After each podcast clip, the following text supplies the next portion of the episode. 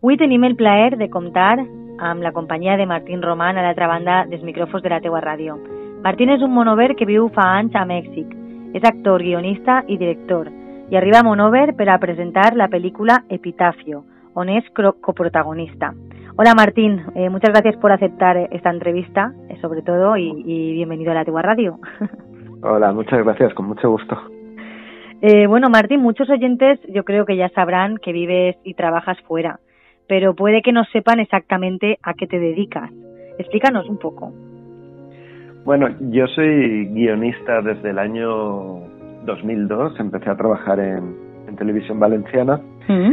Y, bueno, en el periodo de, estar escribiendo me llamó la atención la dirección y ahí pues, empecé a dirigir algunos cortos por el placer de aprender, pues, y también descubrí que me gustaba.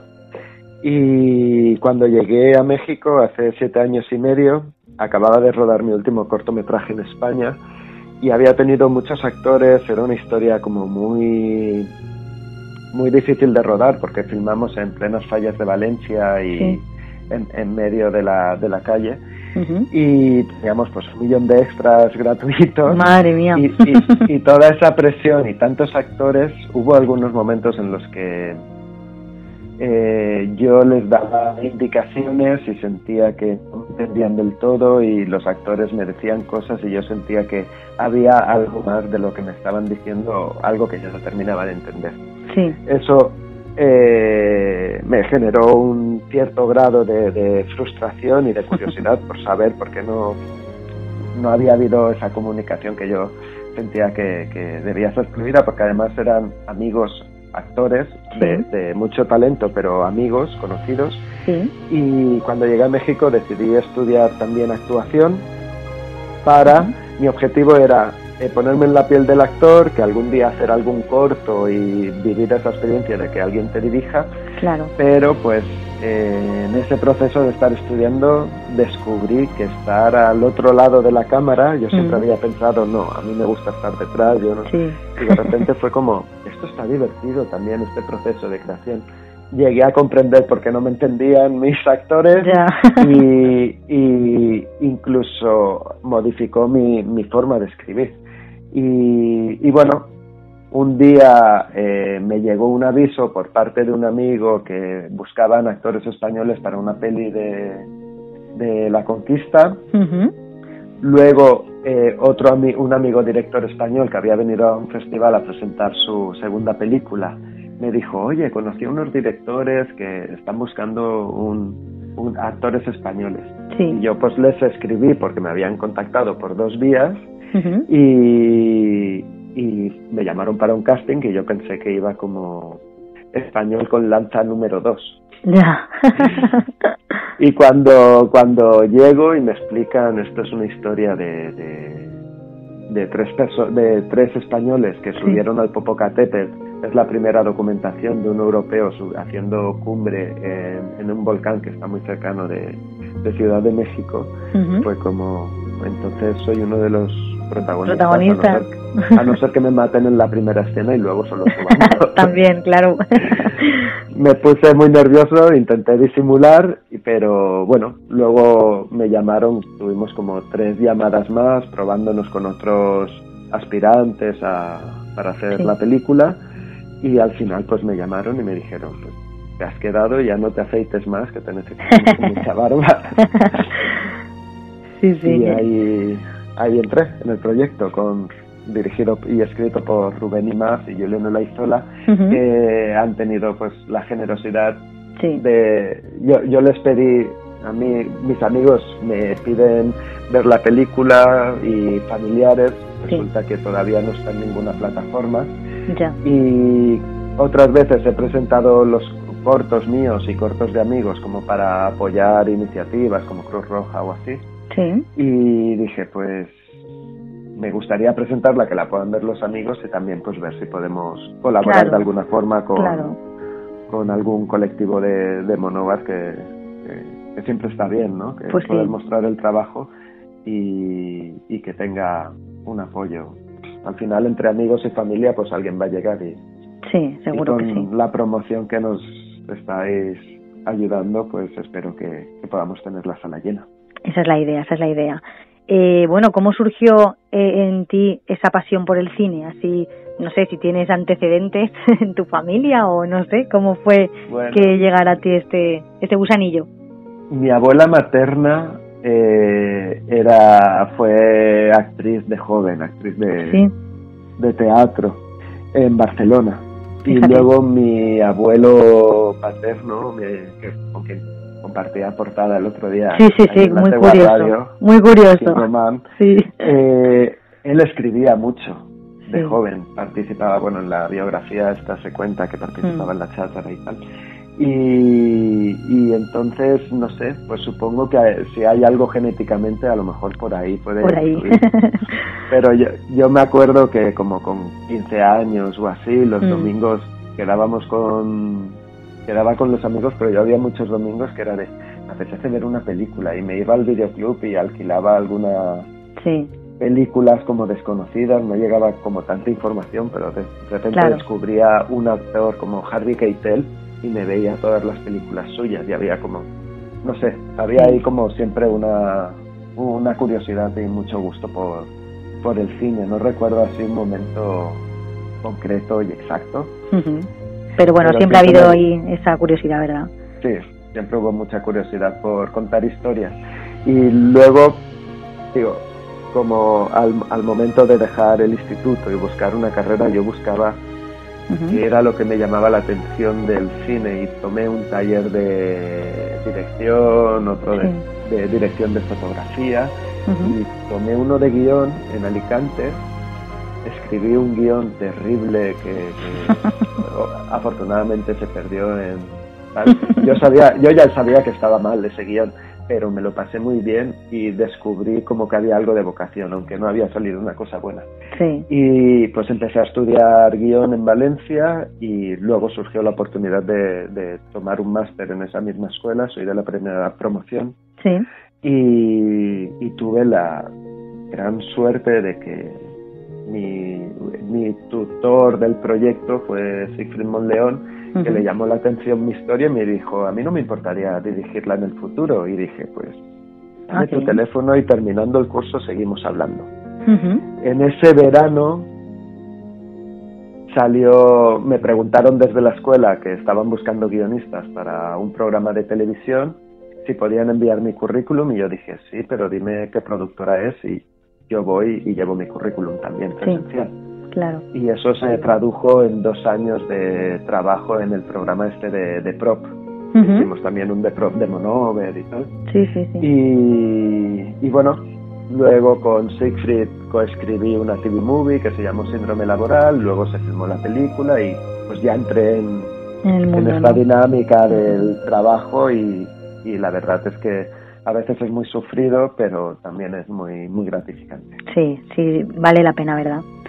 Eh, ¿Y cómo es que te fuiste a vivir a México? Pues yo, mi carrera profesional empezó en Valencia. Mm. Estuve eh, ocho años trabajando en Valencia. Y aquí en Valencia se producía muy, muy poquita ficción. Sí. Entonces, eh, yo terminé un trabajo como de dos años en una productora en la que estuve haciendo un programa para la 2, que eran documentales. Durante ese periodo había hecho el desarrollo de la alquería blanca y, y, no, no eh, cuando terminé ese proyecto de dos años en esa productora dije, ya, ya he hecho como lo que tenía que hacer en Valencia. Digo, a mí Valencia es una ciudad que, me encanta, pero tenía como ganas de crecer y de hacer ficción. Y dije, yo me voy a Madrid. Y llegué a Madrid en 2009 cuando la crisis estaba golpeando muy muy fuerte al sector audiovisual. Tenía amigos que llevaban siete años sin trabajar y eran como de familias de, de cineastas que ya llevaban muchos muchos años como que tenían todas las puertas y yo llegué de nuevo y todo el mundo me decía estás loco por venir aquí en este momento y yo decía bueno pero pues yo lo que quiero es crecer y la verdad es que no, no sé si fui un loco o no. Por, durante un tiempo pensé que Madrid no me había salido bien, pero mm. pues Madrid me llevó a México. Y, y, bueno, lo que sucedió es que era en 2010-2011, eh, pues con la crisis yo veía que en Madrid no había trabajo, me fui unos meses a trabajar a Londres lavando platos y, hmm. sin problema ni nada, pero era de, para tantear el terreno, porque tenía que regresar para un trabajo y para rodar el cortometraje de, de 1903, que es este que te contaba de las fallas. Sí, sí. Y, y en Inglaterra me di cuenta de que Europa no era mi lugar. Entonces, regresando para el trabajo y filmar el cortometraje, empecé a tantear varios países que eran Canadá, México, Chile y Colombia. Eran como los que me llamaban la atención para, trabajar en cine y televisión. Y pues estaba tanteando cosas y un amigo, bueno, el hijo de un amigo realmente me leyó una cosa en Facebook y me escribió, Martín, vente a México, que aquí buscan guionistas y directores. Y digo, ¿tú estás en México? Y me dijo, sí. Y a las tres, hablamos un poquito por privado y a las tres semanas yo estaba en Madrid, en México con mi maleta. Ya ves. y allí entonces me enteré que, que este chico llevaba tres semanas viviendo en México cuando me dijo, vente que aquí hay mucho trabajo. Afortunadamente salió bien. Este chico, con este chico monté hasta una empresa con él y otras amigas, una distribuidora de cortometrajes. Él es eh, editor de, cine y televisión. La empresa no funcionó, pero aprendimos muchas cosas. Y, y bueno, es un, digo, es uno de mis amigos más cercanos en estos momentos, Samba Sauli, que además pues es un crack, ha, editado la serie de Luis Miguel, la de La Reina del Sur 2, él, también está por ahí logrando muchos objetivos. Y me fui a México para probar. Realmente nunca me llegué a plantear, nunca, nunca pensé a fondo, estoy emigrando 10.000 kilómetros, ¿qué hago? Salvo los, las 10 horas de avión de Madrid a México, fue de, estoy haciendo? ¿Y si no me dejan entrar? ¿Dónde voy? ¿Y si me devuelven? ¿Y si no funciona? ¿Qué sé de México? No sé nada de México. Pero afortunadamente, eh, cuando llegué a México era 2012, en junio. Y hubo un, un cambio que yo sentí muy fuerte. En ese momento en España todo era crisis, solo se hablaba de crisis y, yo había pasado un momento muy, muy delicado porque estuve casi medio año que prácticamente no tenía casa, que estaba como entre casa de mis padres, venía a Valencia y me quedaba en casa de unos amigos mientras hacía un trabajo, mientras filmaba el corto. Y creo que no caí en depresión porque veía que no era una cuestión de que yo no fuera válido, sino que tenía un montón de amigos súper talentosos que estaban en, en, una situación muy precaria como yo. Entonces fue como, pues si yo tengo que lavar platos o si tengo que trabajar en un almacén, quiero hacerlo aprendiendo algo nuevo. Y, eso es conocer otra cultura. Entonces me voy al extranjero y llegué a México y al mes eh, me encargaban la escritura de un largometraje. Y eso fue de, perdón, esto, esto cómo ha pasado, esto no puede ser real. De repente, ¿verdad? Sí, llegué en el momento oportuno a un lugar a un lugar que estaban buscando a alguien de mi perfil y, empecé a escribir este largometraje, luego empecé a hacer programas de televisión, de entretenimiento, nunca había hecho reality y he hecho Gran Hermano, por ejemplo, como, ¿Ah, como así como el famoso, el programa más famoso, aprendí un montón haciendo Gran Hermano, me lo pasé muy bien, el equipo con el que trabajé aprendí mucho. Sí. Y, y bueno, pues a lo que me dedico pues es a contar historias donde soy, creo que soy mejor en, en la escritura porque son ya 18 años de, de experiencia, ¿verdad? De profesión y, y bueno, y me encanta la parte de actuar. Eh, no sé, espero cuántas cuántas peripecias, ¿verdad? Cuántas cuánta experiencia detrás de, estos años, parece que, que no, ¿verdad? Además, eh, como, como hablabas tú, eh, eh, ahora vamos a poder ver Epitafio, esta película que nos comentabas al principio, aquí en Monóvar, porque, porque el día 15 de enero, o sea, el miércoles próximo, la presentaréis en el auditorio Antonio J. Ballester de la Casa de Cultura de Monóvar y, bueno, eh, la coprotagonista, como decías, tres actores. Eh, ¿Qué narra esta película exactamente? ¿Es, ¿Es una película histórica? Sí, eh, hay muy poquita documentación sobre el evento en las crónicas de la Nueva España de Bernal Díaz del Castillo, que es, es supuestamente es la historia de, un español que viajó con Cortés y vivió todo, todo el periplo. Sí. Hay, hay muy poquita información al respecto, pero sí se narra que Diego de Ordaz eh, le pidió a Hernán Cortés subir al Popocatépetl porque ahí si salía humo seguramente había azufre. Claro. Si había azufre podían fabricar armas para la para estar bien armados. Ellos iban camino de Tenochtitlan, que es como se, se llamaba lo que hoy es Ciudad de México. Sí. Y realmente no sabían qué se iban a encontrar. Pero ya llevaban cuatro meses atravesando la selva, creando alianzas con diferentes eh, eh, ciudades mm. y sabían que iban a que probablemente habían tendrían que luchar porque se estaban aliando con enemigos de los mexicas que eran los, los que vivían en Tenochtitlan. Entonces, la historia es la de tres personas que durante tres días eh, están a salvo del peligro de que los ataquen eh, los, los indios. Entonces, eh, es un momento de ascensión, pero es un momento también en que los personajes empiezan a cuestionarse su rol en esta conquista, en lo que están haciendo.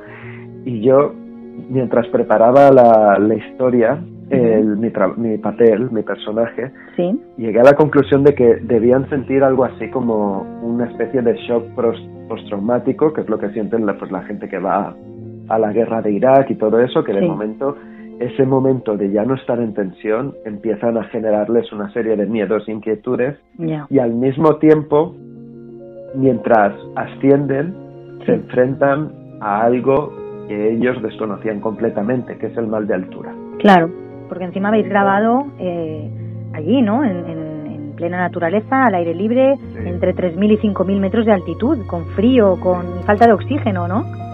Sí, cuando se nos ve que nos falta el oxígeno, eso, eso nos ha actuado. es real, ¿verdad? eso es real, sí. Sí, pero nosotros conocemos ese mal de altura. Claro. La gente no sabía, nadie les había contado que cuando subes muy rápido, te falta el oxígeno, te puedes marear, puedes incluso fallecer. Sí, sí. Y, y claro, eh, eh, eh, hay un personaje que es como muy religioso y empieza a considerar que eso es son los espíritus que habitan en la montaña de los que les han avisado los los los nativos, ¿no? Sí, sí. Entonces es, es una historia eh, en la que se cuenta este viaje, es, es una, un cine como un poco de observación, pero sí, yo siempre siento que hay como un trasfondo profundo en la historia. Eh, que no quiero desvelar del todo, pero claro. espero que se pueda hablar después de la predicción de la película. Si a la gente le quiere, quiere hacer algunas preguntas aquí, pues con gusto las, la respondo. Perfecto. Pero sobre todo eso, la, una historia de una persona con mucha determinación, que es Diego de Ordaz, mm. y una ascensión a, a, la, a la cumbre de la montaña enfrentando sus propios demonios, ¿no? Vaya. sí, sí, sí, así sería. Eh, además, interpretado en castellano antiguo, ¿no? Que es un poco sumarle dificultad a la dificultad ya propia. Sí, son los, los textos, muchos de los diálogos que aparecen en la película son textos eh, literalmente sacados de, de, estas crónicas de Bernal Díaz del Castillo, de las cartas de relación de Hernán Cortés a los reyes y de las cartas de, de Diego de Ordaz. Sí, sí, sí. Entonces, si es castellano antiguo, a veces teníamos que hacer algunas adaptaciones porque obviamente estaba escrito para ser leído, no para ser claro, Claro. Entonces, pues se hacían ajustes para evitar algunas cacofonías y algunas redundancias o así. Sí. Pero sí, sí, esa, esa parte, eh, a la hora de decir los textos, siempre intentas que sean con, con mucha naturalidad. Sí. Y ese, esa parte de los textos sí era una cosa que, que resultaba complicada de saber claro. si se entiende bien. Pero bueno, yo a mí personalmente a veces me cuesta un poquito ver la película porque me estoy viendo y eso siempre es, ya.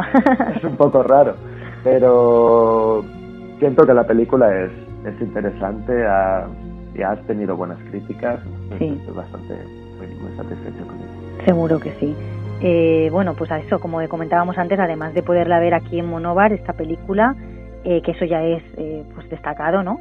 Hay que sumarle que su condición solidaria, ¿no? Vamos a, recordar lo que comentabas al principio, que, que, irá destinada a la recaudación a, la Asociación contra el Cáncer de Monobar. También vais a sacar una, una fila cero, explícanos un poco. Bueno, eh, sí, va a haber una entrada de 3 euros, eh, que es, esa recaudación va íntegra para la Asociación contra el Cáncer de Monovar. Y se creó una fila cero para aquellas personas que quieran colaborar, pero por trabajo. No pueda ir, claro. O por cualquier situación no pueda ir. Si quieren, pueden comprar también una, una entrada en la fila cero. Eh, si no me equivoco, es en la Casa de Cultura y en la misma asociación contra el cáncer de Monovar. Eso es. Pues eh, nada, Martín, eh, muy agradecida, muy contenta de haber hablado contigo. Eh, me ha parecido muy interesante todo, tanto tu trayectoria como lo que nos cuentas de, Epitafio, ¿no? De esta entrevista, de esta última película que nos presentas. Y bueno, no sé si quieres tú destacar o hacer énfasis en alguna cosa antes de finalizar, algo que se nos haya pasado o que quieras tú comentarnos.